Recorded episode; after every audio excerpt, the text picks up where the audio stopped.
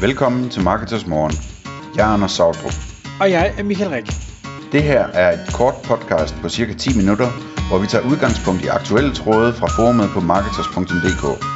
På den måde kan du følge, hvad der rører sig inden for affiliate marketing og dermed online marketing generelt. Hej og velkommen til Marketers Morgen. Klokken er blevet 6, og endnu en gang har jeg fornøjelsen af at have Lars Friis fra MCB i studiet. Godmorgen, Lars. Godmorgen, Michael.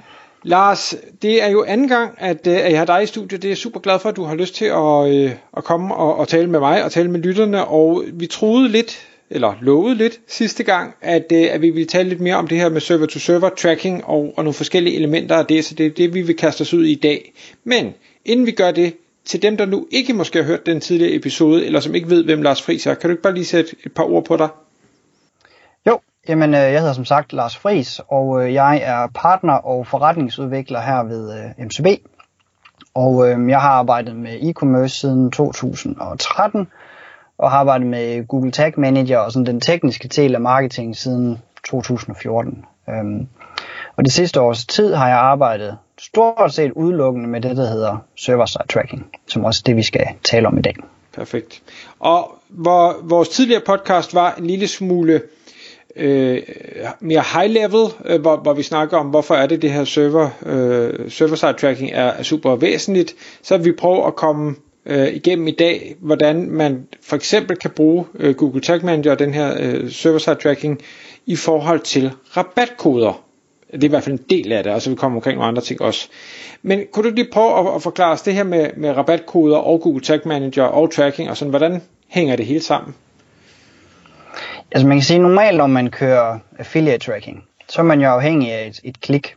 Altså du har et website, man klikker ind på selve webshoppen, og så får man sat en cookie, og når man gennemfører et køb, jamen så ser man, om cookien den er der. Men altså, det afhænger af, at de kører ind forbi affiliate-partnerens hjemmeside først. Men hvis du eksempelvis arbejder med influencers, altså som er store på Instagram, jamen så har mange af dem svært ved at få deres følgere til at trykke på et link. Fordi det er ikke den adfærd, man har, når man er på Instagram. Øhm, så det vi egentlig har udviklet, det er, at vi siger, at hvis man nu forestiller sig, at den konkrete influencer får en personlig rabatkode, så indstiller vi serveren til at lytte efter, om den rabatkode bliver brugt.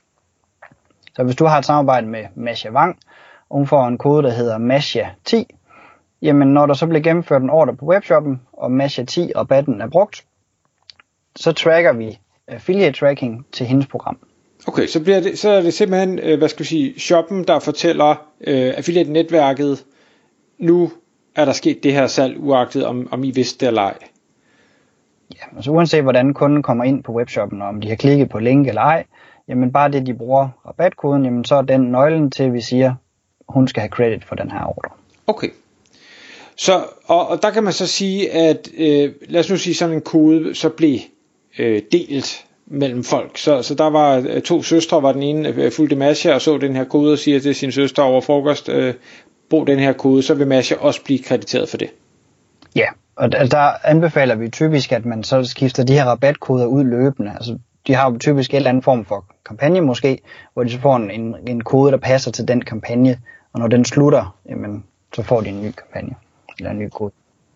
Og, og, og nu siger du det her med, at adfærden på Instagram er øh, jo lidt anderledes, end den er på en, en hjemmeside, hvor man kan klikke på et link. Øh, er der ikke noget med, og nu er jeg ikke specielt stor Instagram-bruger, altså man kan have et link i sin profiltekst, som en ting. Ja. Ja, og det, det er det, man kalder link in bio. Altså, du har et link i din biografi på din, øh, i din profil. Øhm, og der kan du kun have et link, øhm, som jeg siger, og det link vil man jo måske, hvis du har en kampagne, der kører en uge til lige præcis dit affiliate-program, så er du svært ved at få influenceren til at have dit link som det eneste i hele den uge der. Men udover det, så er det også bare ikke, det er ikke den typiske adfærd, man har på Instagram, at man klikker på de her links. Ah, okay. Hvad så med det her swipe up ting? Det, det, er det ikke også til et link, eller hvordan foregår det? Jo, men det kræver, at du har 10.000 følgere, før du har, altså, du har den mulighed som influencer. Så det, det kræver, at de er lidt større, for at de, de har den, den funktionalitet. Men det er bare stadigvæk, det det er sværere at få folk til at lave et klik fra Instagram, end det er fra en almindelig hjemmeside, som vi talte om tidligere. Mm. Okay. Og hvad, hvad, hvad, hvad hvis man har begge dele? Jeg bliver nødt til at spørge sådan med, med kundehatten på. Hvis nu der er begge dele, risikerer vi så, at der bliver tilskrevet kommission to gange? Altså de har både klikket og brugt koden. Nej, altså man siger, det vi typisk gør altså, i opsætningen, det er, at vi starter med at se, er der en cookie? Og hvis der er en cookie, så skal den cookie have credit. Hvis der nu ikke er nogen cookie, så ser vi, om der er en rabatkode, og hvis der er en rabatkode, så tjekker vi, om der er en affiliate partner, som er knyttet op på den rabatkode.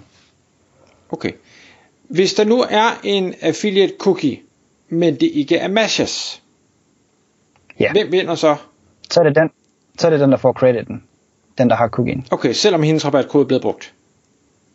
Ja.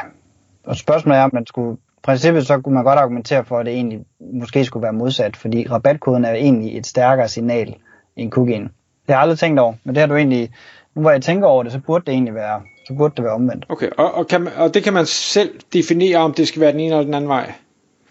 Ja, det er jo noget, vi laver i selve opsætningen. Altså, det er en, en logik, vi bygger. Okay. Hvis nu man sidder derude og tænker, at det her, det, altså man, man bruger rabatkoder, man bruger øh, influencer, som man har måske tidligere haft svært ved at, og netop få dem til at overtale til at, at gøre det her, fordi at de ikke har kunne lave de her links og sådan noget. Og også måske hvis det er influencers, der har mindre end, end 10.000 følgere. Hvad er det så? Hvad, hvad kommer man ud og siger til dem nu? Øh, hvordan gør man dem trygge omkring, at nu skal de nok få deres kommissioner? Altså de er, der har en webshop, har nok ofte oplevet, at der er en influencer, der skriver til jer, typisk via Instagram, hvor de spørger, hej, du har en mega fed, øh, nogle fede produkter, og skal vi ikke lave et samarbejde, og her er min medieprofil, hvor de fortæller om deres følgere. Og normalt så forventer de jo, at det de skal have, det er et eller andet kontantbeløb for at lave en story og øh, en post, og whatever de nu, de nu vil have for deres samarbejde, og så vil de have nogle gratis produkter. Og i stedet, mange afviser dem her, fordi de, det er simpelthen svært at måle, om det giver noget eller ej. Men der har du så muligheden for, nu du kan tilbyde dem at sige, men jeg vil gerne lave et samarbejde med dig, men vi er nødt til at lave en aftale om, at du skal aflønnes for det salg, du rent faktisk bidrager med. Og så kan man så anbefale dem at tilmelde sig sit program på PartnerAds eller DaisyCon, eller hvor man nu har sit affiliate, og så siger man tilmeld herinde, og så får du automatisk øh, provision af de salg, du kan skabe, øh, og du får en rabatkode, du kan bruge. Og, og nu sidder jeg så og tænker, at øh, hvis jeg så tager øh, influencer-hatten på, hvilket jo selvfølgelig er umærkt for mig, fordi jeg ikke er influencer, men øh, de kunne nok godt sige, ja, men du ved, der er også noget, der er noget branding-værdi i, at jeg er ude og tale pænt om, om øh, dit brand, din shop, øh, uagtet om nogen køber eller ej. Og, og det er derfor, jeg normalt vil have de her kontanter upfront, øh, fordi der, der er noget, der bare ikke kan måles øh, i, i form af salg. Hvad, hvad, hvad, hvad gør man så som shop? Altså, fordi jeg tænker, det de fleste kan de jo nok godt se øh, logikken i. Øh, så kan man sige, hvor meget er værdien. Skulle man så måske gå med en, en lidt højere kommission for at kompensere for det, men samtidig, hvis man er ved at give rabat med en rabatkode, så, så Altså, så, så er det mange steder, man så høvler ind i sin egen profit, øh, og så er der måske slet ikke noget tilbage. Har du nogle tanker om det?